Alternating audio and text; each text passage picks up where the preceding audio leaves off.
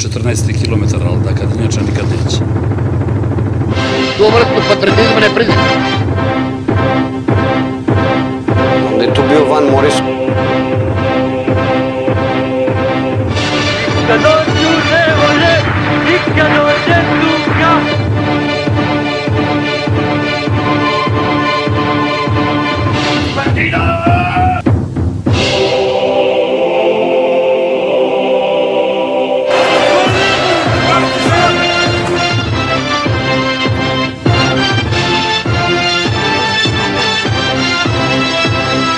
Nije patriotizam, to je estetika, kapirate?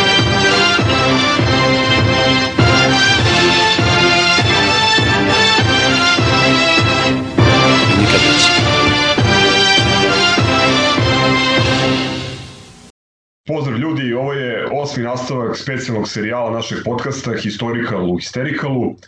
E, To je specijal u kome razgovaramo o najvažnijim, o nepoznatim i o nekim nepravedno zaposlenim pričama iz istorije futbolskog kluba Partizan. Napravili smo nešto dužu pauzu u, u prethodnom periodu i tokom te pauze smo proslavili 75. rođendan Partizana, a dočekali smo i 13. i poslednji broj Partizanove istorijske sveske. E, to je istorijska sveska na kojoj vredno rade naši arhivatori sa bloga Crnobela Nostalgija i oni su na, naravno i danas ovaj, naši sagovornici, to su Acija iz Gro. Dobrodošli ljudi. Dobro večer, hvala ti. Dobro večer, tu smo uvek. Hvala vam puno na tome, ali e, ajde pre nego što pređemo na te priče iz davnina, odnosno, ajde ipak ne toliko dane prošlosti, pošto je bilo puno pitanja slušalaca na društvenim mrežama, moram da vas uh, pitam uh, kako je moguće nabaviti 13. to i poslednje izdanje istorijske sveske. Evo, Aco, ako možeš ovo vrlo kratko o tome. Kako je moguće nabaviti? Pa, kao i do sada, ovi stalni poručioci stalni čitaoci znaju, znači da nam se obrate e, preko e, Twitter naloga ili preko stranice na Facebooku Crno-Bela Nostalgija, e, koju ja uređujem, ili da pošalju mail na crno-bela nostalgija at gmail.com, e, znači sve to ima na sajtu, Crno-Bela nostalgija, znači kao i do sada, znači ima, imaju ljudi tri mogućnosti da nas kontaktiraju i to je to, vrlo lako ide, znaju to ljudi koji su već naručivali. Hvala. Zgro, je ostalo nešto od ovih ranijih izdanja na lageru, pošto je bilo i takvih pitanja? Pa znaš kako, vrlo malo, uh, uvek se vuku poslednja 2, 3, 4 broja, tako i sad situacija, te neka 11 i 12 još uvek ima nekog, ovaj, neke određene količine, ali ono sve pre toga nema odavno, jer to su sve mali tiraži, to je sve štampano u 300 primeraka, Znaš, i dešava se da evo kao ono 11 koja je štampana pre godinu dana ja i dalje imamo na stanju. Ovaj jer mali hendikep, odnosno nije mali, ali ovaj hendikep je što nema utakmica je, Da. na kojima smo mi iz ono ruke, jel tako je odlazilo 50-ak primeraka nekad i više. Ovaj sad toga nema, pa eto tako da poslednja tri broja su još uvek nabavljiva. Da, ovo ranije, pretpostavljam na Limundu i Kupindu. E, to nisam pratio, da ti To kažem. nema ali- više, u Da. više ne postoje, mislim. Dobro, e, dakle, Aca je rekao tri načina na koji možete doći do 13 i ovih e, nekoliko ranijih brojeva koji su još uvijek na stanju. A, ajde sada da, da se vratimo e, u prošlost. E, mi smo pre oko četiri meseca e, zaustavili se e, na takozvanoj prvoj Šajberovoj sezoni, to je bila 40. sezona u Partizanovoj klubskoj istoriji, jedan jako značajan period i za mnogi od nas period u kome smo se bezrezervno ili neko bi rekao bezizlazno vezali za, za, za ovaj klub. E, hoćeš li, Aco, da napraviš mali uvod, ovaj, možda sa, sa nekoliko detalja, zbog čega je ova sezona posebno značajna u, u našoj istoriji? A da, ako pričamo o 85. i 86. bitna je prvo jer smo osvojili titulu šampiona, desetu po redu, koja je kasnije osporena bez uspeha i posle nekih godinu, godinu i po dana smo je vratili. Uh, druga stvar, uh, tu je bila velika trka između nas i Zvezde, trka za titulu, vodili smo celo prvenstvo, bili smo nadmoćni, nešto i našim greškama smo propustili da da sami završimo posao i da ne zavisimo ni od koga, ali ipak smo bili zasluženo prvi na kraju. Druga stvar, tragična koja se desila te sezone je na početku sezone poginuo Dragan Mance, ne treba dalje da pričam, svi znate ko je bio. I eto, tako da je titula na kraju te sezone došla kao velika uteha i mele na ranu svim navijačima Partizana. E, ono što je bitno, a tiče se komšijskog tabora, to je e, da je na kraju tog šampionata Slavko Švajber jasno je sa kim u dosluku poništio celo kolo bez ikakvih dokaza, apsolutno. Jesu tu mnogi utakmice bile problematične i sumnjive, ali jednostavno čovjek je bez ikakvog zakonskog uporišta ovaj, poništio celo kolo i ne ložio da se igra novo za 7 dana. Partizan je jedini ostao principijelan, nije odigrao smatrajući da je Partizan odigrao šta je trebao da odigra i nema potrebe da dva ili pet ili sto puta izlazi na teren kako se kome prohte i neki klubovi koji su podržavali Partizan na kraju nisu smeli do kraja da nas podrže. Pre svih Dinamo, Rijeka, sad ne mogu setiti ko još. Uglavnom Partizan je jedini ostao pri svojoj odluci i izgubio je službenim rezultatom 0-3 od Železničara. Zvezda je, gle čuda, izgubila 2-1 u Sarajevu, iako je 7 dana ranije pobedila 4-0. Dakle, jasno je tu radi tako da se na osnovu toga Zvezda igrala kup šampiona. E, ja bih samo pre nego što dam reč Strovu, ako je on ima nešto da za ovu sezonu, hteo bih da dodam jednu stvar koja je veoma, veoma bitno, a što mnogi ne znaju danas, to je da Crvena zvezda ne samo što je nepravedno došla na kratko do te titule, na osnovu koje je ipak igrala kup šampiona 86-87, već da ona trebala da bude daleko van trke za titulu, jer je ovaj, postojao slučaj Miralema Zjaja, slučaj Zjaja, čuveni početkom te sezone. Naime, Miralem Zjaju je bio igrač Iskre iz Bugojna, trebao je da pređe kao u Dinamo, pa u Partizan, pa u Zvezdu i na kraju on je potpisao za Crvenu zvezdu, međutim nije imao dozvolu Iskre, svog kluba. I Iskra se odmah žalila ovaj, e, organima Futbolskog saveza Jugoslavije i taj proces je počeo da se odvija pred organima disciplinskim. E, međutim, ovaj, e, on je počeo da igra i konkretno 26. augusta 85. igrali su Vojvodina i Zvezda i Vojvodina je pred početak utakmice upozorila da ako Zjaju bude igrao za Zvezdu će se oni žaliti, jer čovek nema pravo da igra, jer postupak je u toku. Međutim, on je opušteno igrao, Crvena zvezda je e, pobedila e, i Vojvodina je uložila žalbu. E, međutim, ovaj, Zjaju ne samo da igrao tu utakmicu, igrao je i u kupu pobednika kupova, gde je Zvezda igrala protiv švajcarskog Araua. I onda su, naravno, kad su to čuli tamo u Švajcarskoj i u Evropi, i oni su počeli da jel, osluškuju odluku našeg futbolskog saveza, šta će se desiti. Uh, jer u tom slučaju, ako naš futbolski savez odluči da Zjaju igrač iskre, a ne crvene zvezde, bilo bi logično da se ta utakmica Zvezda Vojvodina uh, registruje 3 za Vojvodinu, kao i da se ovaj, uh, na osnovu toga Arau plasira u dalje takmičenje umesto Zvezde. Međutim, Dušan Maravić, gle čuda, bivši zvezdin igrač, bio je ovaj čovek iz SSJ određen za, nadležan za kontakt sa inostranstvom, za te međunarodne komisije i na kraju je doneto solomonsko rešenje, jel, da je on igrač iskre, a ne crvene zvezde. Međutim, ovaj, registruju se rezultati kako su postignuti na terenu, nema ništa, znači od pobede Vojvodine od 3-0, što bi bilo sasvim normalno u skladu sa tom odlukom da je izjavio igrač Iskre i samim tim oni su sačuvali uh, i opstanak Zvezda u kupu pobednika kupova te sezone. Znači jedna neverovatna odluka, solomonsko rešenje, ali očigledno rešenje u korist Crvene zvezde. Treba samo da kažem da na kraju sezone ko zna, mislim, Vojvodina jeste bila slabija, ali u tom momentu verovatno bi je značila ta tri boda sasvim zaslužena, jer čovek nije imao pravo da igra za zvezdu. I ovaj, eto, toliko, znači, ko zna kako bi bio i put Vojvodine, verovatno ne bi, ni, možda ne bi ispali iz lige, ko zna sada, ali uglavnom totalno neregularna stvar. I zamislite da ljudi, znači, iz Zvezde, ne samo što su, znači, tu uh, sasvim nekorektno prošli bez ikakvih sankcija, bez oduzimanja bodova, nego su se drznuli čak da preko Slavka Šajbera ovaj, uh, rade na poništenju celog poslednjeg kola zato što nisu eto, došli do titule. Ovaj. Tako da eto, to je jedna stvar, ako neko misli da mi ovo izmišljamo, neka uđe na sajt navijača Vojvodine, fkvojvodina.com i tu će sve da pročita o tome. Tako da nije ovo nikako grobarsko maslo, to je živa istina ili ako neko ide u arhive neka pogleda novine od, od, od tog perioda pa će sve da vidi. Leto, avgust, znači 1985.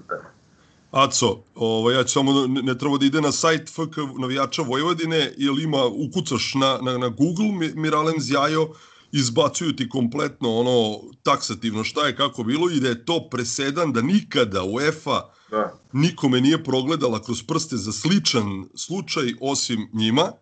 I to samo zato što kao čekali su da vide kako će Futbolski savez da registruje utakmicu između Vojvodine i Zvezde, pa će oni tako da registruju između Zvezde i Arao i kao, bože moj, znaš, kao nađeno solomonsko rešenje, evo, neka ostane da je sve ok, a mi ćemo vratiti zjaju u iskru, puj pike ne važi, kao, izvinite, znaš.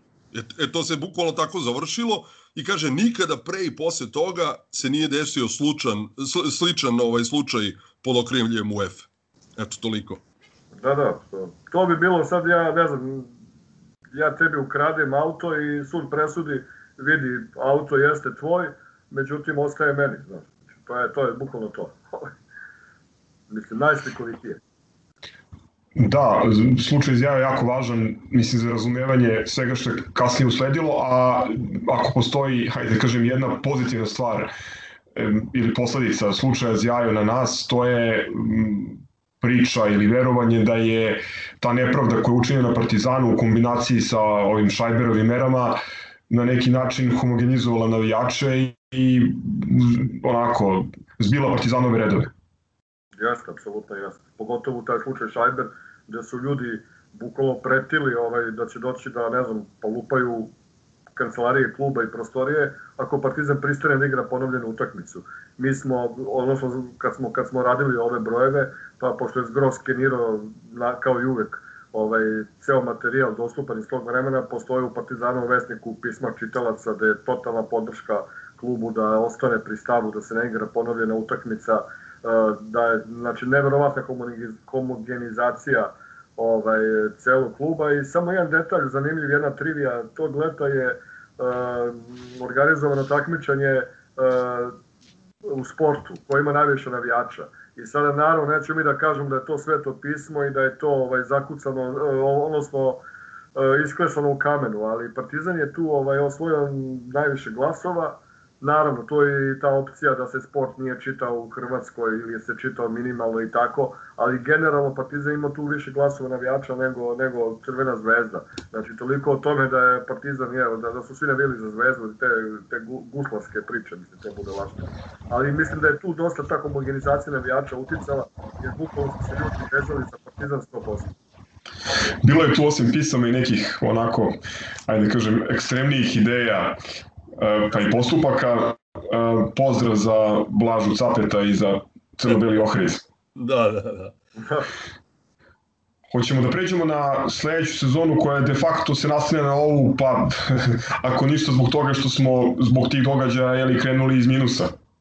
Krenuli iz minusa mi i ne samo mi, nego je 10 klubova i Partizan i Zvezda i ne znam Želja i Sarajevo, kao svi smo krenuli sa po minus 6 i neminovno je cela ta ovaj ujdurma sa tim poništavanjem zadnjeg kola, oduzimanje nekih bodova za eto nedokazano nameštanje, a da svemu tome ono kao nikakav problem nije bio što je Zvezda četiri utakmice imala nere, ono nelegalno registrovano, u stvari neregistrovanog igrača.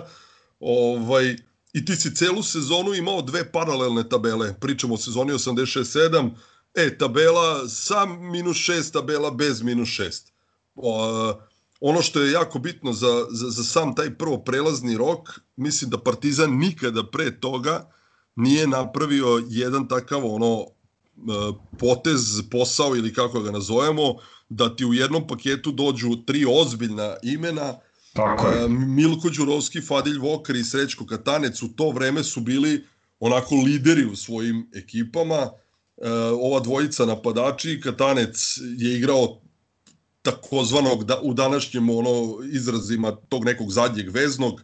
E, uglavnom to su bila tri reprezentativca, tri ozbiljna igrača i Partizan je ono kao svima stavio do zanja da je onako e, znaš kao ne izrastao, nego kao ej da se da je ozbiljan u tome što radi. Mi smo te sezone stvarno igrali e, dobro i kao tebi je sve vreme neki neki taj rival bio Skopski Vardar, koji da nije bilo tog oduzimanja bodova, znaš, kao otpao bi dosta ranije, znaš. I sad ti tamo do pred sam kraj šampionata dolaziš u situaciju, ej, da li je minus šest? Nije minus šest. Da li je minus šest? Nije minus šest. A pritom je Futbolski savez za Evropu prijavio zvezu za kup šampiona te sezone. Mi igramo u kupu EFA, prvo kolo izlačimo ono kao jednu od najtežih, najgorih mogućih opcija nemački uh, tim Borussia iz Mönchengladbacha. Nakon uh, dobrog rezultata tamo usledilo je ono kao spuštanje na zemlju i lađenje u Beogradu, tamo gubimo 1-0, ovde 3-1, ispadamo već, već na, na, na prvoj ovaj, stepeniku. Šta bi bilo da je sve bilo normalno i da se igra kup šampiona umesto kupa UEFA, ko zna, je li tako?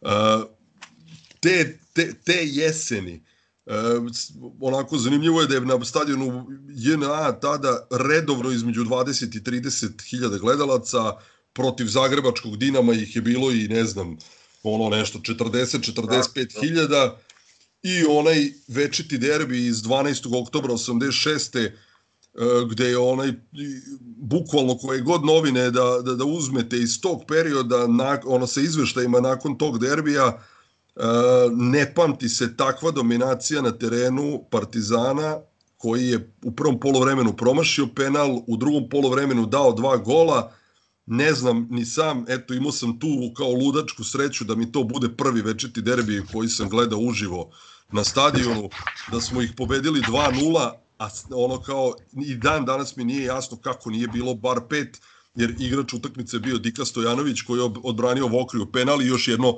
šest zicera otprilike. Znači, znaš, kao ti si x puta posle toga bio bolji od njih i imao, znaš, kao i dobio derbije i ovo ono, ali mislim da je to ono poslednji put bilo kad si ih tako razvalio da oni, ja mislim da, da su bili bez ono udarca i bez ozbiljnije šanse, a da si ti pritom imao kao 10 ozbiljnih prilika da si morao da im daš, ono, dva si dao, promašio penal, morao si bar još dva ili tri, ali dobro.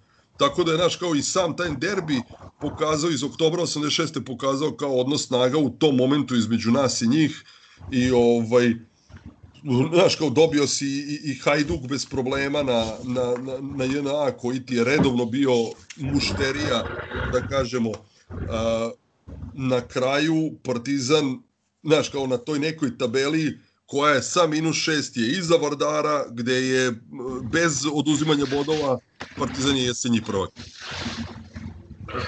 Samo bih kratko pomenuo tu utakmicu sa Hajdukom 4-1 za Partizan. Meni je jedno najboljih iz, iz te e, grupe utakmica velike četvorke, prosto odneli smo ih. Milko Đurovski dao prvi gol, blistao je on, blistao je Đelmaš, e, Vučićević, Znači, sjajna utakmica, zaista. Mislim da je naslov u novinama bio Košava oduvalo buru. Ja, za meni jedna od najlepših utakmica kada se radi o susretima velike četvorke. To sam samo još par detalja interesantnih da pomenem iz ove sezone. E, pomenuti Milko Đurovski, e, najbolji strelac ekipe 19 golova. E, Zgro je pomenuo odlične posete tokom cele sezone. Prosek zvanično 24.412 gledalaca. U Humskoj E, takođe, AC je pomenuo e, tradicionalnu godišnju anketu JSL Sport, gde je e, Partizan i te godine bio prvi u tadašnjoj državi sa 109.782 glasa, znači toliko ljudi je popunilo taj neki talon koji je izašao u sportu i poslalo kao što je Ace rekao, nije to sve to pismo i nije, bog zna kako, ono, naučni, na, naučni metod otkrivanja ili utvrđivanja koliko ima navijača, ali ako ništa pokazuje određeni stepen privrženosti i u kontekstu ovih zbivanja e, oko terena, mislim da je jako, da je jako važno. E, Aco, ćeš ti možda par reči o e, načinu na koji je slučaj Šajber raspetljan? Pa, slučaj Šajber je raspetljan tako što se Partizan žalio sudu udruženog grada, jer i sad to nije nikakva ovaj, ne znam, nije nelegalna akcija. Nelegalna je bila akcija Futbolskog savjeza Jugoslavije Slavka Šajbera koji nije imao apsolutno nikakve dokaze za tih pet utakmica osim jel, čudnih rezultata. Znači ne možeš ti tek tako da kazniš bez ikakvog dokaza, A taj sud Dužnog grada bila je redovna pravna instanca. Znači, treba imati na umu da Partizan nije prvi klub koji se žali u sudu, to je isto uradio Dinamo. E, U sezoni 78-79. veoma sličan e, slučaj kao ovaj slučaj Zjajo, kada je Dinamo izgubio u Rijeci, ali za Rijeku igrao Edmond Tomić, koji je došao, ja mislim, iz Prizrena u Rijeku i nije imao pravo nastupa. I Dinamo je trebao da dobije 3-0.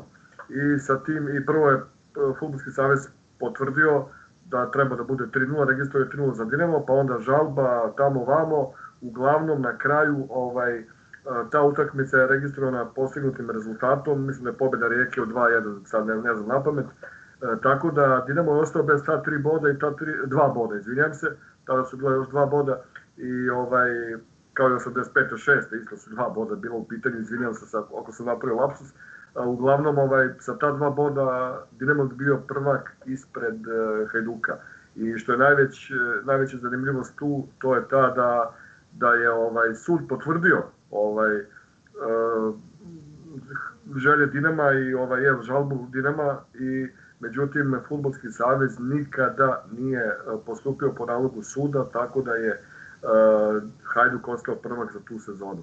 Znači Partizan nije bio prvi klub koji se obratio sudu, sad možemo da vidimo kako je to bilo brutalno gaženje ovaj, propisa svih mogućih futbolskih i od strane Futbolskog saveza Jugoslavije i te 78. 9. a i 85. 6. Uglavnom sud udržanog grada je potvrdio obe titule Partizanu, ali kao što reče Zgro, to je bilo do zadnjeg momenta praktično uh, nije se znalo, znaš, iza svakog kola idu dve tabele, jedna sa minus 6 bodova, druga bez minus 6 bodova, sa normalnim redosledom, tako da niko tu nije znao šta je šta, razumeš?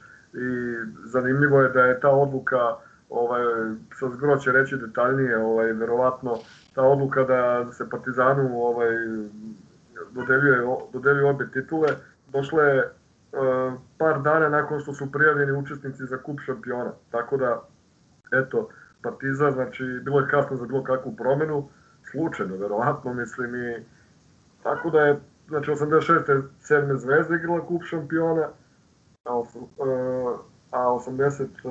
8. igrao je Vardar. Znači, može da mislim, Vardar kup šampiona da ga odrao Porto odmah u prvom kolu. 0-6 su bili rezultati, ili tako? Šta je tu zanimljivo, da je, da je ta odluka sudska e, bila uoči poslednje kola, kad smo mi pobedili Dinamo Vinkovce i osvojili tu titulu, ali, bože moj, kao papirologija iz tamo dok to FSJ ili šta već, dok to nije zvanično u službenom glasniku se e, ono desilo, oni su brže bolje prijavili Vardar za kup šampiona, razumeš, pa je tako ono te godine Vardar otišao u kup šampiona umesto nas. Tako da smo ono kao dve godine ovaj uzastopno igrali ono druga takmičenja, tačnije kup UEFA, a Zvezda i, i Vardar su igrali kup šampiona potpuno nezasluženo. S druge strane, ipak moram da priznam da su nas u tom drugom delu šampionata, u tom prolećnom delu, e, nastavili smo neko, bili sa nekim, znaš, bezveznim igrama, nije bilo ni blizu onako kao tokom jeseni bilo je nekoliko kikseva, bili smo na zicer da osvojimo dovoljan broj bodova da i na ovoj i onoj tabeli i, i sa minus 6 i bez minus 6 da budemo prvi, ali smo ono izgubili tri kola pre kraja u Splitu i onda na kraju u pretposlednjem kolu vodili smo na Košavu 1-0 podgodinskom Milka Đurovskog, na kraju je Merdanović izjednačio i taj nas je bod jedan ono kao koštao da ne uzmemo titulu i tu e, sudsku i onu e, Šajberovu. Da, ajde, uglavnom, znači, ostaje da je Partizan osvojio zasluženo na terenu, igrama na terenu uh, i osvojio najviše bodova u sezonama 85-6 i 86-7, dakle osvojio je dve titule prvaka na zelenom terenu, koje su kasnije i formalno potvrđene, ali su dakle u kup šampiona nezasluženo igrali prvo Zvezda, pa potom i Vardar puno ljudi je komentarisalo uh, efekte uh, da kažem te um, tog šajberizma ili šajberizacije. Uh, osim činjenice da Partizan nije igrao zasluženo dva puta kup evropskih šampiona uh, te samim tim klub doživeo određenu materijalnu štetu jer nije mogao da prodaje ulaznice, nije mogao da ovaj, jeli, prihoduju od toga. Indirektno e, ljudi u našem klubu su govorili o tome da je e, zbog te dve sezone Partizan na transfer tržištu doživeo takođe određenu štetu jer neki transferi uključujući recimo i Darka Pančeva koji je bio preliminarno dogovoren s Partizanom neki transferi nisu realizovani i svi znamo šta se, šta se kasnije desilo. Takođe interesantna sudbina ovog e, Slavka Šajbera. Hoćeš ti Aco ovi par reči o tome? Da, Slavko Šajber je pa nekih možda godinu i po dana ili dve godine posle celog slučaja ovaj, uhoćen je, ja mislim, na jugoslovensko-austrijskoj granici da ovaj, švercuje neke dragocenosti, neki novac, ja mislim, ili zlatnike neke, ne znam, nije, tako da je on tu bio i ukapšen i tako. Tako da, eto, ovaj, na neslavan način je završio ovaj, karijeru, ovaj, baš što se tiče Futbolskog savjeza Jugoslavije. Ali ja bih se sad samo nadovezao kratko na ovo što si ti malo što rekao na, na te efekte, cele te ovaj, akcije i u stvari na korene te, te, te ove sramne akcije Šajbera je u posluku sa Zvezdom. Ovaj, a to je da je praktično, evo sad ja moram se vratim ovaj, da ne ispadne sad ne, neko ovaj, veličanje nekih ljudi, e, evo konkretno Žarko Zečević koji je imao i dobre i loše strane, ja lično bih mu zamerio x nekih stvari, sada nije to mesto, ali recimo on je prvi pokazao zube, ove, te 85. 6. i rešio da s Partizanom ide do kraja i da se Partizan izbori za ono što je njegovo. Znači, otprilike prvi put u istoriji Partizan nije u tim forumima uh, i kako da kažem van terene nije, nije uh, bio u podređenom položaju. Jednostavno Partizan je hteo do kraja da ide i da se bori za ono što je služio i onda je naravno ovaj, usledila ta osveta preko Šajbera i jel, i onda dve godine se bukvalno Partizan kaževa da ne igra u kupu šampiona. Tako da, ovaj, otprilike, čim je, čim je Partizan kao klub pokazao zube i ambiciju da bude iznad zvezde i da dovede i najbolji igrače i sve usledilo je vrlo perfidna odmazda. Da budemo potpuno iskreni, ovaj, do kraja, e, mislim, Šajber je de facto ono, doživeo javnu sahranu posle, posle ovog slučaja sa, sa zlatnicima koji si ti ja pomenuo i on je kasnije, posebno nakon raspada zemlje, e, često govorio kako mu je to partizan smestio preko vojnih organa i tako dalje. Ove, interesantno je, da, upravo kao što si rekao, pre svega zbog Žarka Zečevića koji u tom periodu prostao glavni operativac, u klub jesu vodila uh, de facto civilna lica, ali je vojska i dalje imala imala ovaj određeni uticaj u, u upravljačkim strukturama. Ja sam našao, ovaj, sam tražio malo, da kažem, kopo po arhivama vezano za slučaj Šajbe, našao sam čak jednu, jednu izjavu uh, generala Peka Dapčevića, znači jednog od osnivača ovaj, Partizana, inače znate svi u pitanju narodni heroj i jedan od legendarnih komandanaca Jugoslovenske narodne armije, koji je uh, kad je ušao, ovaj, da kažem, u klinč uh, klub sa, sa Šajberom, rekao da ovaj, bi mu bilo lakše da je poginuo na sudjesci nego što je doživeo da mora sa Šajberom da se, da se nateže oko, oko futbala. Ove, ali to pokazuje samo koliko su emocije generalno oko Partizana tada uzavrele. Govorili smo da eto da se desila ta homogenizacija među, među navijačima, da je Partizan pokazao zube i glavnim rivalima. Jeste zakinuo za dve, dve sezone u kupu šampiona, ali je izašao iz svega toga ipak kao organizacijno jači klub, meni se čini. Jeste, jeste. I samo biti e, jednu stvar, evo, lično, sada ne privatizujem, ali, ali se odnosim na tu homogenizaciju.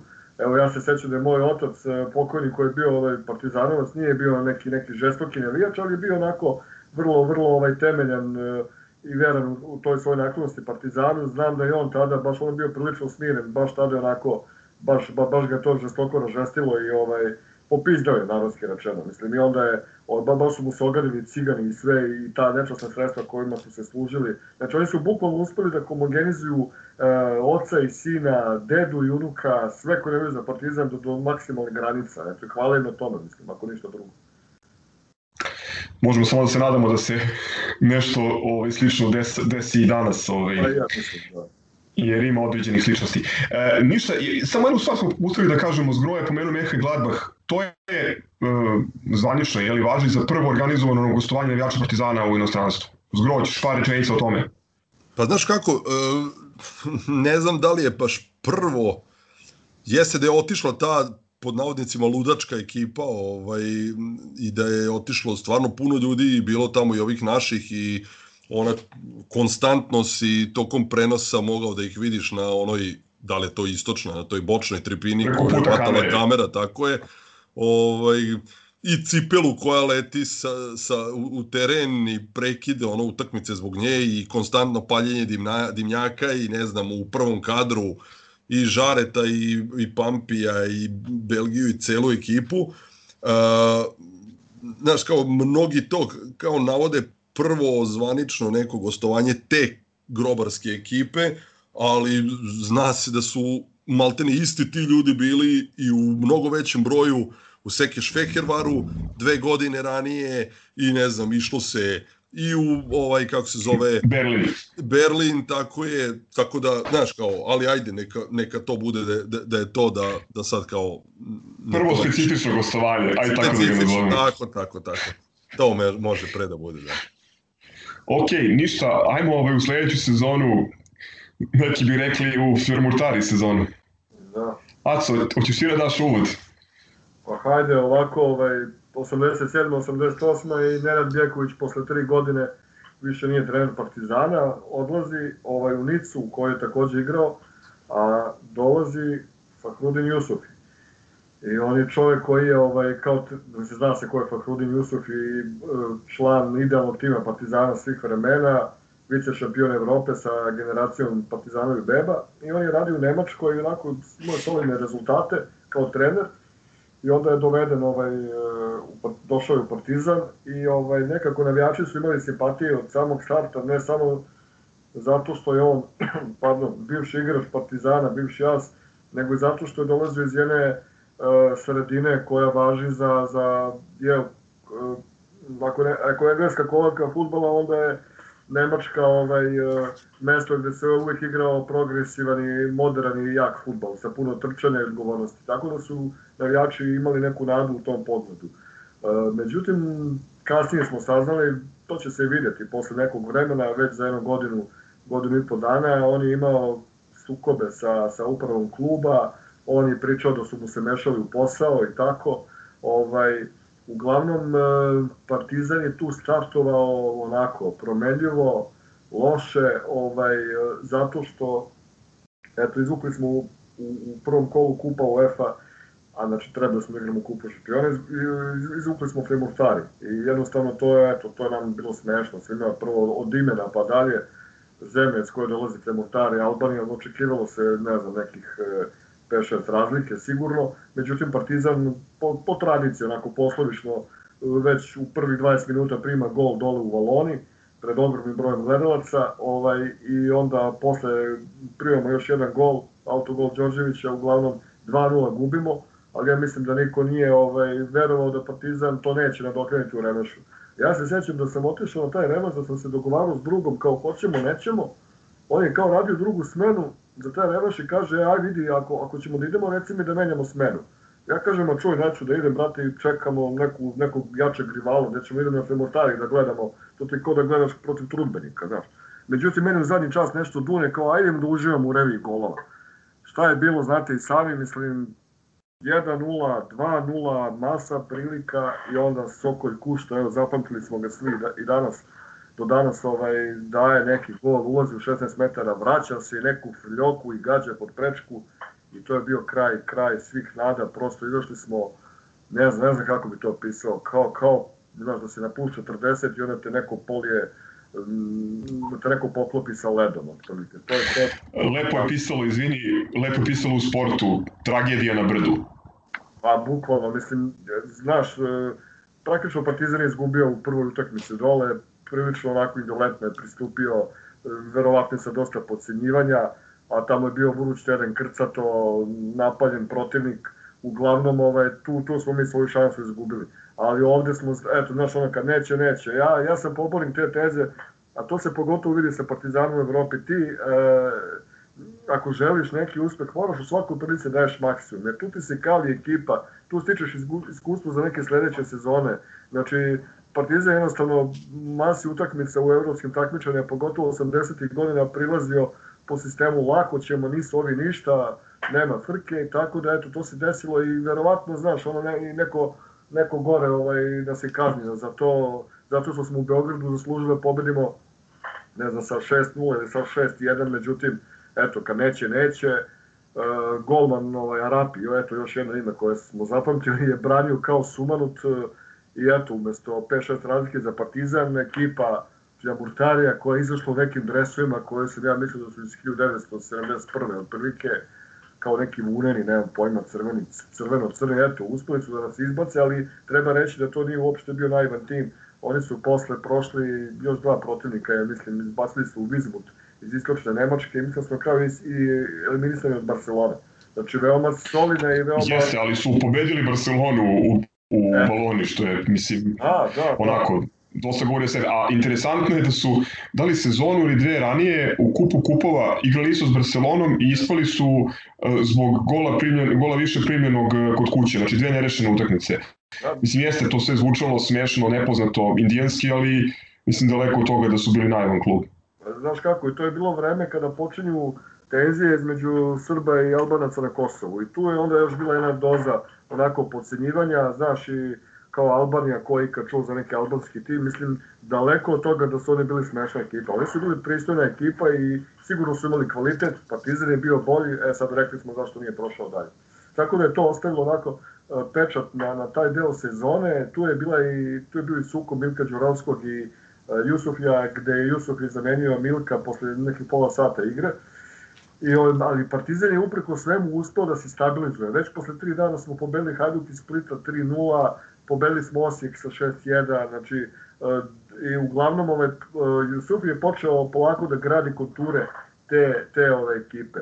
Ovaj, e, tako da u proleće ja sam sticam okolnosti ovaj, bio odsutan ovaj, zbog duga otočbini, jel, ali pratio sam koliko sam mogao preko novine, Gro će sada to bolje ispričati kao svedok sa tribina, gazili smo to proleće i, ovaj, i onda se dešava poslednje kolo gde je opet, gle čuda, umešana Crvena zvezda i dve utakmice vrlo ovaj, problematične, Čelik Priština i, Sudinska Crvena zvezda, gde su igri titula ispadanje i mi opet ostajemo kratkih rukava i na drugom mestu. Neka se zgro ovaj, nadoveže, ovaj, ako hoće nešto više o tom Da. da. poslednjem kolu.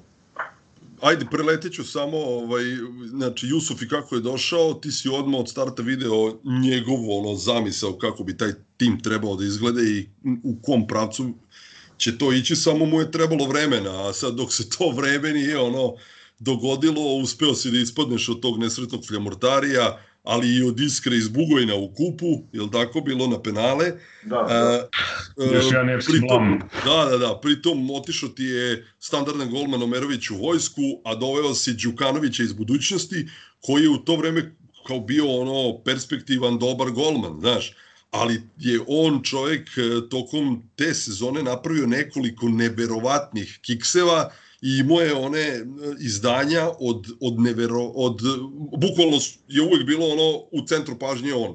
Da li će biti igrač utakmice kakav je bio kad je bio proglašen, na primjer, na Maksimiru te jeseni, pobedili smo Dinama tamo 2-1, Šćepović i Vokri dali golove, sećam se ono, ludačka neka odbrana Đukanovića kad glavom skače u, u, među četiri kopačke, razumeš, i izbija loptu glavom, ovaj, on je bio igrač utakmice tada, ali je isto tako, na primjer, mesec dana ranije je primio na našem stadionu od Pixija gol direktno iz kornera, kada smo u jednom ravnopravnom derbiju, u derbiju u kojem smo čak mogli i da dobijemo, e, mi na kraju izgubili 3-2, a sve te poremetilo eto to ono kao krenula utakmica, treći, četvrti, peti minut, korner 1-0 za zvezdu, majstor uspe da ga primi ovaj, direktno iz kornera. Uh, ali ajde, ovaj, kako je sezona odmicala, stvarno taj drugi deo sezone je onako jedan od onako, partizan kakav, što, što je meni model, kao e, to je partizan. Mi smo u poslednjih sed, e, osam kola od mogućih 16 osvojili 14 bodova, Uh, titule su nas koštali neki raniji kiksevi, ali i tu smo maltene imali sve u svojim nogama, da ne kažem rukama. Uh, na Grbavici smo četiri kola pre kraja igrali 3-3, iako smo poveli pred kraj 3-2, bila je ono nešto isto ludačka engleska utakmica, i onda budalast go, primaš 5 minuta pred kraj za 3-3, E, I ok, pretposlednje kolo si izgubio e, bod u Sarajevu ponovo, na Koševu bilo je 2-2 sa, sa Sarajevom. E, tom prilikom je domaćin vodio 2-0, mi smo izjednačili pred kraj, ali ok, eto, tu smo sami krivi, ali opet si ušao u poslednje kolo gde ti realno imaš šanse da budeš prvi, trebaju ti e, četiri razlike, u stvari četiri gola razlike da nadoknadiš, da Zvezda ne dobije u Nikšiću, a da ti pobediš budućnost sa tri više e, gola. Mi smo posle 50 minuta vodili 2-0 golovima e, Kineza Liu Haiguanga. E, Batrović je između toga promašio penal, imali smo gomilu šansi, ali znaš, ono kao i komentator kad javi promenu rezultata u Nikšiću, pa se demorališeš, spustiš, vidiš da je, da je sve gotovo i ajde sad da ono, da, da, da, da, da E, ne širim, e, uglavnom mi smo to poslednje kolo odigrali, daš, kao ono, pun stadion, 30-35 hiljada gledalaca, ali ono šta, šta se dešava u Nikšiću, to je ono kao bilo za, znaš, kao Zvezda u tom momentu gubi 1-0, nama je potrebna, su nam još dva gola. Batrović promašao je penal, ali kao okay. Priština do pred sam kraj vodi protiv Čelika 2-0, ali kaže to nije bilo njima dovoljno jer je uh, Sutjeska bi pobedom protiv Zvezde zadržala status prvoligaša.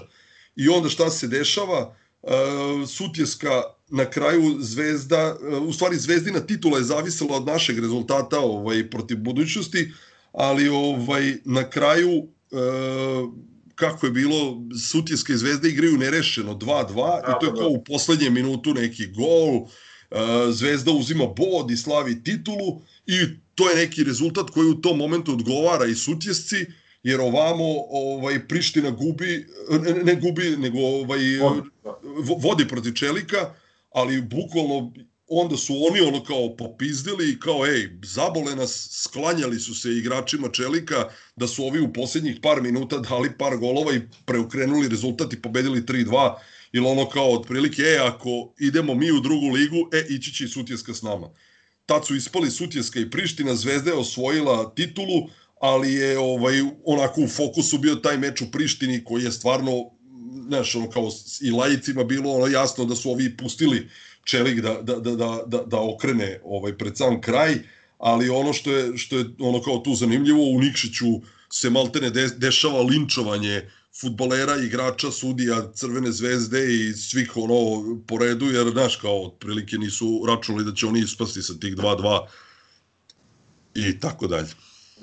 Ja samo e, dozvoli ovaj, dve rečenice ovaj, da danas svi pričaju o tom susretu Prištine i Čelika, niko ne pominje Sutjesku i Zvezdu da su otprilike odigrali tako da prema prvobitnoj zamisli govora jednima i drugima Ove, a inače, Priština Čelik, ove, evo ima na YouTube-u, pa ko želi da pogleda od mlađih e, navijača, ima onaj neverovatan komentar, mislim da se zove čovek Ganija Jeti komentator, kada u jednu očigledno nameštenu utakmicu da, da igrači Prištine beže od lopta i od rivala, e, komentariše sa, a onda kreću uraganski napadi Čelika. znači, to ovaj, samo, samo rečenica za Branislava Đukanovića, on je svakako bio dobar golman, ali evo ja ovako kao navijač rekao bih da je u stvari e, taj njegov meč protiv Zvezde gde on krivac za sva tri gola e, njemu, njemu najveći problem bila psiha i njega je taj meč uzdrmao do kraja. Ja mislim da su svi njegovi kasni kiksevi e, bili posledica toga. Ja mislim da je on pred svake,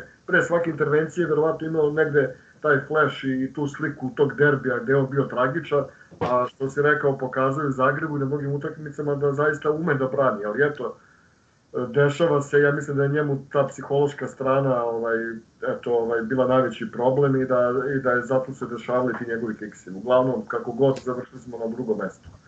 Tu se desilo onako dva bitna transfera. Đurovski bio u vojci, mislim da je otišao i Vokri, ako se dobro sećam. Da, da, da, u Novi Sad. da, došli su ovaj, iz Prištine tandem Zoran Batrović i Vladislav Đukić i mislim da je to jedan sjajan tandem bio ovaj, koji su zaista harali u toj prolećnoj sezoni, a kao što si rekao, igrali smo kao Rams. Zgro je pomenuo jednog od strela, to je mislim bitan moment u istoriji kluba jer su Partizan došla dva stranca iz Kine, ajde da kažem prvi kineski futboleri koji su zaigrali u Evropi. To su ovaj uh, Liu koji igra u napadu i Gia, štoper. Da. Ništa, idemo u sledeću koja je bila još interesantnija i koja važi verovatno za jednu od najturbulentnijih a, zato što je obeležila ona čuvena utakmica sa, sa, sa Romom, odnosno dvomeč sa Romom. Sa druge strane, takođe, moment nevjerovatne sreće je Partizan posle 32 godine došao do trofeja kupa. Da, to je praktično sezona kao što su naše klubske boje, crno-belo, od sjaja do očaja i nazad. Počelo je sjajno, uh, mislim, uh, poraz jedan minimalan u prvom kolu, a onda pobeda na Sarajevo 6-1, penal bod u Splitu, onda pobeđujemo Dinamo 2-0 onako bez većih problema i počela je euforija da Partizan zaista može mnogo da uradi u toj sezoni. E, međutim, tu je već buktao rat na liniji ovaj, Jusuf i, i uprava kluba i ja, on imao svoje, ljud, u Splitu Jusuf je bila ta vojna struja. Ove, ti generali koji su bili upravi kluba, dok je Zečević, e, kao i član izvršnog odbora Mrvić, bio protiv Jusufija.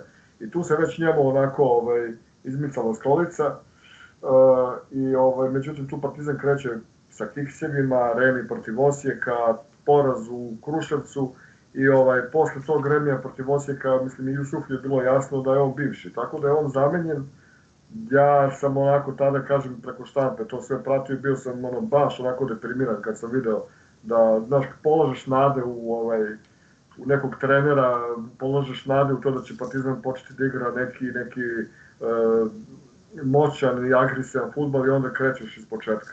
Uh, umesto Jusufija priliku dobio Moca Vukotić. Mislim, ne, šta o Moci ne može ništa loše se kaže, apsolutno legenda kluba i naravno ako već neko treba da sedne na klupu, bilo je ok sasvim da, da čovek kao Vukotić bude taj. Uh, mi smo ovaj, igrali uh, kup UEFA u prvom kolu protiv Slavije i Sofije i što nije svojstveno Partizanu, uh, dva puta smo pobedili sa 5-0 i kući i u gostima. Znači to je, ja mislim, bilo nezabeleženo ovaj, u dotadašnjoj istoriji kluba da mi sa, sa, to, sa tim skorom prođemo prvo kolo. Drugo kolo protiv Rome, e, već ovaj, već tu ovaj, protiv Rome Jusuf više nije bio trener, ali očigledno da ekipa već imala te neke ustaljene modele igre igrale na krilima e, kako da kažem, tog njegovog e, vođenja ekipe i Partizan je pobedio 4-2, jedna od, e, ja mislim da je jedna od pet najboljih utakmica Partizana u Evropi. Ovaj, sva četiri gola smo postigli glavom, dva puta Vladislav Đukić, jednom Vermezović i jednom Goran Milojević. Fenomenalna utakmica koja je nažalost obeležilo i to što se zapalile, zapalile se neke struneče, ja mislim, u onom prolazu na istočnoj tribini gorela je vatra, požar koji je pretio da se proširi na celu tribinu i bilo je po znakom pitanja da li će se uopšte utakmica nastaviti i visio je prekid u vazduhu. A onda navodno je Đaninija, čuvenog Đaninija iz Rome, pogodio ovaj neki upaljač tamo dok je izvolio korner ispod južne tribine i uglavnom strahovalo se, strahovalo se da će Partizan biti eliminisan. Uh, usledio je revanš u, u, u, na stadionu u Rimu, Olimpiku, ovaj, i tamo, evo, ja sad neću da pričam, svi znamo kakvi se sve repovi vuku iza te utakmice, bilo je ovo, bilo je ono, prodo je ovaj, prodo je onaj, mislim, malo je ružno pričati, e, nemamo nikakve mi podatke, niko neće reći da jesam to uradio, ali jednostavno ja znam moj utisak, mislim, mozak nas navijača ne funkcioniše na taj način, mi nikad ne razmišljamo da je neko sposoban to da uradi. Ali prosto ja sam posle te utakmice bio, ne znam, zatečen, šokiran, ne znam, deprimiran na igru Partizana, uopšte nisam video da tim koji posle 4-2 na svom terenu prikaže tako bezličnu, anemičnu igru, ja, ja prosto nisam znao kao da im je neko sipao nešto. Prosto ono, ne znam, kao da su izašli rekreativno da odrade, ne znam, gostovanje u, ne znam, u Badnjevcu. Tako da, Partizan je, znači, da stupio protiv Rome, ali bio je kažnjen da sledeću utakmicu u Evropi uh, igra 300 km van Beograda. To se naravno i desilo, doći ćemo do tog momenta. Uglavnom, posle Rome ovaj, dešavaju se problemi u domaćem šampionatu, Partizan gubi redom, Zgro će verovatno da naglasi konkretne te rezultate, to je, to je bila tragedija, gubili smo dobijene utakmice, penal, bodovi, e, ma, ma haos, znači mi smo došli do nekog 20. 13. mesta u nekom momentu, Zgro ti će se setiti ovaj, na kom smo mestu završili, ja mislim da je to bila baš, baš. Šesti smo bili na kraju. Da, da, Tako, da. ne, šesti na kraju, da, ali na polusezoni. Ma ne, da li su nešto 10 i 12 Tako, recimo, nešto, da, da. baš onako e, užasno. Jedan lep moment je da smo pobedili ovaj Zvezdu sa 1:0 golom e, Dragoljuba Brnovića u prvom minutu. Ali onda naravno poraz od želje, e, pa onda poraz kuće od Vardara, e, poraz od budućnosti na penale, e, poraz kuće od Spartaka na penale, poraz u Nišu, čist poraz, poraz od Čelika 13-12 sa penala, mislim, pošto je 2-2 bilo u regularnom toku i na kraju u jeseni poraz od Vojvodine koja je te sezone bila šampion od 3-2. Znači, zaista sumorna, sumorna polusezona.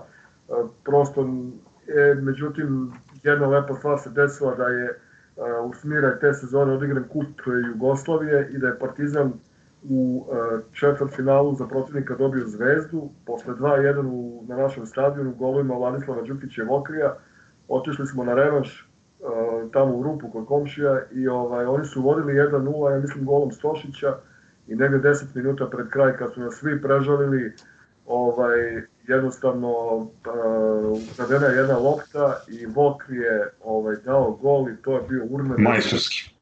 Molim, Majstorski gol, majstorski Da. gol. Da, da, sačekao je, taktizirao je kada je pošalje i poslao je ispod golmana Zvezde 1-1 i bukvalno to nam je spasilo sezonu i donelo mnogo radosti u maju mesecu, doći ćemo do toga. Uh, uglavnom, eto, to je bila jedna lepa stvar kojom se završila ta sumorna polusezona, izbacili smo cigane iz kupa i čekalo nas je polufinale protiv Šabačke mačve. Hoćeš, Gro, ti da dodaš nešto u vezi? Te ajde, ajde, samo onako, što kažeš, Ajde, ajde. neću E, izvini, previše... izvini samo, Zgro, izvini, samo ako možeš kratko e, za mlađe slušalce da objasniš e, ovo što je Aca rekao, e, izgubili smo na penale. Samo to je još jedan ono sjajan Mijelić Da, ono, izum. eto, ono kao od te sezone uvedeni su penali posle nerešenih utakmica. U, I dalje je bodovanje bilo dva boda za pobedu, ali više nije ti bio siguran bod koji si izborio na terenu nerešenim rezultatom ukoliko ga ne potvrdiš pobedom na penale.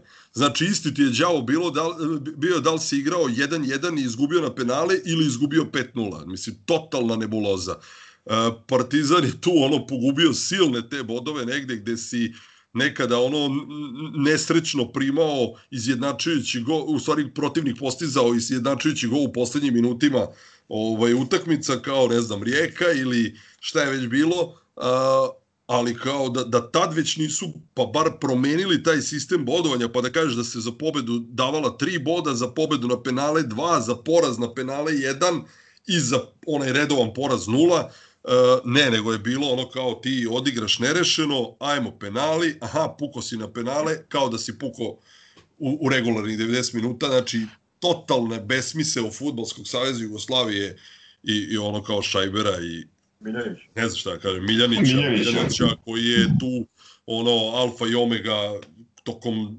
celih ono 80-ih i, i, i, i da ne pričam dalje. Mi smo, mi smo te sezone e, na taj način izgubili četiri sigurna boda. Uš, pa te, ta, ta četiri, te sezone smo još i super prošli, bilo je ono dve sezone kasnije, da li smo imali šest ili sedam, ono izgubljenih katastrofa, bre. A, utakmica sa Romom ta, u revanš tamo, da njihov golman e, Tankredi, koji je u prvoj utakmici e, mi smo imali recimo 15 udaraca na, gol, čovek branio e, svašta, primio četiri gola na JNA, e, bukvalno smo bili, pregazili ih i onda odeš na revanš, Roma koja jeste bila dobra, ali ništa specijalno, Roma koja u 50. minuti ostaje sa 10 igrača i ti sad imaš kao, kao sve u svojim rukama, nogama, da, da, da, da do kraja utakmice narednih pola sata odigraš mirno, staloženo, gubiš 1-0, imaš rezultat koji te vodi dalje. Pritom ovi nisu toliko opasni. Nije to sad kažeš, ej, gol visi u vazduhu, pa, pa kao jebi ga, ono, dobiše nas. E, ni iz jedne opcije nam nisu pretili nego je mogla samo da se desi naša glupost i to se i desilo. Jedan ulazak, uh, kako je već bilo, ono, znaš, kao jedan ulazak igrača Rome u 16-terac, uh, Vlada Vermezović, ničim izazvan, uh, ruši njihovog igrača, španski sudija, Sanchez bez ikakvog dvoumljenja trči sa centra i pokazuje na penal, Giannini daje za 2-0 i kraj priče, Tankredi, golman Rome na toj utakmici ostaje neocenjen jer Partizan, sad ne mogu tačno da se setim, ne da nije prešao centar, ali nije, nije šutno na golu, nije ni jednom. I kao mi gubimo 2-0. Ono što je interesantno, Aca je tokom prethodnih ono deseta godina uradio nekoliko intervjua sa par igrača koji su bili akteri tog tima, u stvari akteri tog meča i ono kao deo tog tima i otprilike sa svima je bio dogovor, ej, samo nas nemojte ništa pitati za ono dvomeč sa Romom. Znači, da ih verovatno ne bi dovodili u bilo kakvu neprijatnu situaciju ili ne znam šta, da moraju da da upiru prste jedni u druge. Uglavnom je ta utakmica ono kao mi smo izgubili. E, istog dana je, su krenule priče prodato, sve je navodilo na to da je prodato. Evo ja i dan danas ono kao neću da verujem da smo prodali jer sam eto lud, ali ne znam. Samo još jedna stvar ovaj, koju sam htio da naglasim. Ovaj, imali smo razgovor sa jednim bivšim igračem koji je rekao, ovaj, otprilike onako je, uh, indirektno je naglasio, pričat ću samo o lepim stvarima o Partizanu, tako da eto, ovaj, to je to. Tako je, da. Mračna, mračna priča, ali o njoj, mislim, jako puno je rečeno na drugim mestima, puno je pisano, spekulisano, ajde sada da, da ovaj, mi ne prepričavamo ili ne nagađamo dalje, uh, to je sve dostupno, mislim, ne, ne radi se toliko dalekoj prošlosti. Uh, to, crni deo sezone, a svetli deo je usledio ovaj, u maju mesecu, posle 39 godine i najdužeg posta, ja mislim, ovaj, Partizan dolazi do, do petog kupa uh, Jugoslavije. Tako je, dobijamo posle zvezde koju je Aca pomenuo, ta, taj dvomeč je igran onako u duboku zimu, kraj novembra i, i sam kraj decembra, 22. decembra je igran, igran revaš meč na Zvezdinom stadionu kad smo se plasirali u polufinale. U polufinalu mi izlačimo Mačvu, i kao super, znaš, kao možeš misliti Mačva, proći ćeš je glat, bome bilo je povuci potegni, oni su na, na, na jedna poveli odma na, na samom početku 1-0, iz penala, potom je Šćepović vrlo brzo u kratkom razmaku od desetak minuta dao dva gola, na, do kraja smo mi imali prilike da taj ono kao pora, pobeda bude i ubedljivija, ali ostalo je 2-1 i sad kao ideš u Šabac, tvrd teren, gadno, ništa se ne dešava, ovi navaljuju, ti, znaš, kao ono, moliš Boga, ajde da se završi, Bog te mazo, i kao penal za Partizan, Brno, Dragoljub Brnović šutira promašuje gol, rekao, boja, jao, nije, znaš, ono, kao šta još treba da se desi, i ono par minuta pre kraja mačva mrtvu šansu ima, promašuje da su dali gol, prošli bi ovaj, oni u finale, uglavnom nekako srećno ulazimo u, u to finale gde nas gde, gde, gde čekamo Velež, Velež koji u tom momentu jedna ozbiljna ekipa, e, znaš, kao jedan od onako najsimpatičnijih i, i klubova naj, e, najlepših za gledanje u, u toj drugoj polovini 80-ih, ono sa Tuceom, Kajtezom, ne znam, ono, Repaki, kako su se već e, zvali njihovi ovaj, igrači. Uh, ono što je taj dan, tog 10. maja 89. godine priređeno na, na, na našem stadionu, to nikad pre i posle, eto dobro, aj kao pre, ne mogu da tvrdim šta je bilo 70-ih, jer nisam bio akter, ali eto, ja nikada posle toga nisam uh, bio na utakmici sa takvo ludačkom atmosferom, toliko pozitivnom atmosferom i, i onak, takvim navijanjem i ono kao totalno jedno ludilo i, i, i igrači koji u transu igraju i znaš, on kao, ima se oči kao da ti se sve ono što si promašivao tokom sezone i gde si kiksao, da ti se vratilo u tom finalu i pomalo previsoko ti pobeđuješ jedan ozbiljno jak velež sa, sa nevrovatnih 6-1, znači tu je otprilike golove ono, bukvalno nije dao ko nije hteo, no, ne, ne znam, Muške Vučićević je bio proglašen igračem utakmice, on je dao prva dva gola, jer da prvi gol se čekalo dobrih pola sata, e, ubrzo je pao i drugi, e onda u drugom polovremenu bilo sve lakše, golove su davali, ne znam, i Vokri, i Varmezović, i Batrović, Milojević. i ovaj, Milojević, Milojević. tako je. Goran Milojević koji je tu sezonu odigrao maestralno, koji je ono igrač sredine terena, bio je ono standardan ovaj prvotimac, redovno nameštao golove, redovno davao golove, redovno davao golove maltene u svim bitnim, što evropskim, što kup, što nekim e, važnim prvenstvenim mečevima. Goran Milojević koji je ono došao takođe iz Crvene zvezde. Da, to, to sam propustio da kažem, ali ovaj, da, mislim, pa sad kad smo radili statistiku baš za ovaj broj 12. odnosno prethodni 12. broj, ovaj, Zgro ja smo baš komentarisali da je Milojević, kad smo videli parametre, odnosno statistiku Milojevića iz te dve sezone koliko igra u Partizanu, to je neverovatno. E, Mislim da je prvi ili drugi po broju nastupa, broj golova neverovatan, a pritom čovjek nije bio špic igrač, nego je bio igrač sredine terena. Najbolji, ubedljivo najbolji igrač u te dve sezone u Partizanu. Ovaj, a samo bih se nadovezao sa dva kratka osvrta, prvo na kup, na finale kupa. E, ja znam da sam otišao na tu utakmicu, ne ja, nego svi mi. Znači, to bukvalno niko nije dovodio u pitanje da ćemo mi uzeti kup. Što, što si ti rekao malo pre, to je bila toliko pozitivna atmosfera.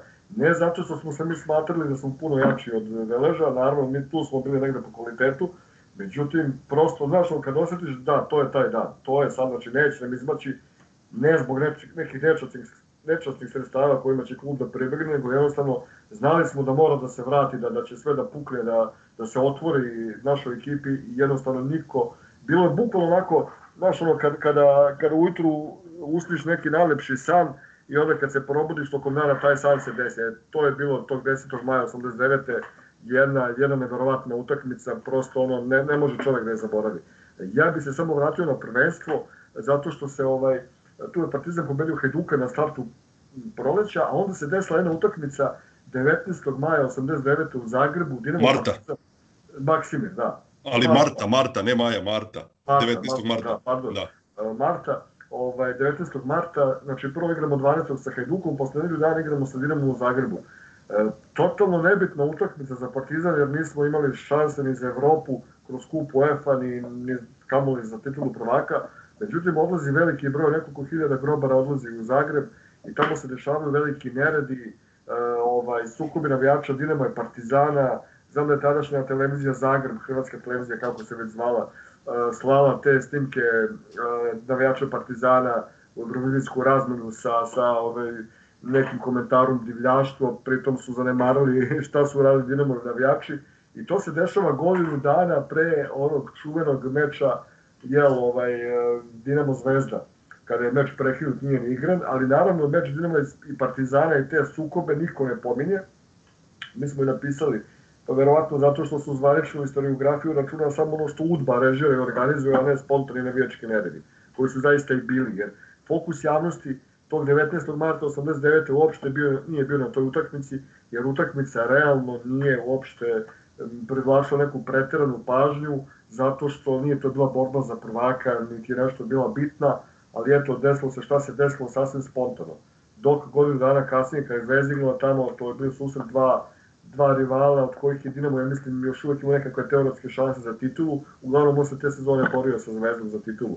A ove, dva najjača tima su se sastala. To, to 89. uopšte nije bio slučaj. Znači, dešavaju se veliki sukobi. I postoje razne slike ove, sa te utakmice, tako da, eto, to je obeležilo to proleće i uspon forme Partizan je na kraju završio na šestom mestu tako što je u poslednjem meču e, pobedio Vojvodinu koja je već tada osigurala titulu prvaka, pobedili smo sa 4-1, što naravno nije bio pravi odnos snaga, ali eto uspeli smo da, da odbranimo čast i da dođemo do koliko toliko pristojne šeste pozicije na tabeli. I plasirali smo se naravno prvi put u istoriji u kup pobednika kupova. 32 godine čekanja, uzeli smo kup i eto, ovaj, melem, melem na jednu sumornu sezonu. Da, treba to sad već kad smo spomenuli, kad si rekao Vojvodina, to je ono bilo pomalo iznenađenje za sve da je Vojvodina pored Partizana, Zvezde, Hajduka i Dinama uspela da se ono progura i, i, i sasvim zasluženo osvoji titulu, jer su sve ove četiri ekipe, ono kao ekipe iz velike četvorke, u nekom periodu sezone imale određenu krizu. Uh, Vojvodina je dobijala redovno kod kuće, ne toliko u gostima, ali tada je u prvenstvu si bez problema mogu da uzmeš titulu i sa 6-7 poraza, ne razumeš, a ne ono ko danas je, viga, ako dva put kiksneš gotovo, ono propade sve. E, tako da oni uzeše titulu prvu od 66. i poslednju za sada, a mi eto kao kup i ovaj prvo učešće u kupu kupova sledeće godine koje opet ne igraš na svom stadionu, nego ideš van Beograda zbog kazne protiv Rome, tako. Da, i sad kad se već rekao Vojvodina, e, dodao bih da su četiri igrača iz te šampionske generacije Vojvodine završila sledeće ili one tamo godine uh, ili dve sezone kasnije u Partizanu. To su bili ovaj Jokanović, Bujačić, uh, Dejan Joksimović i uh, Borkapić. Kasnije došao, da.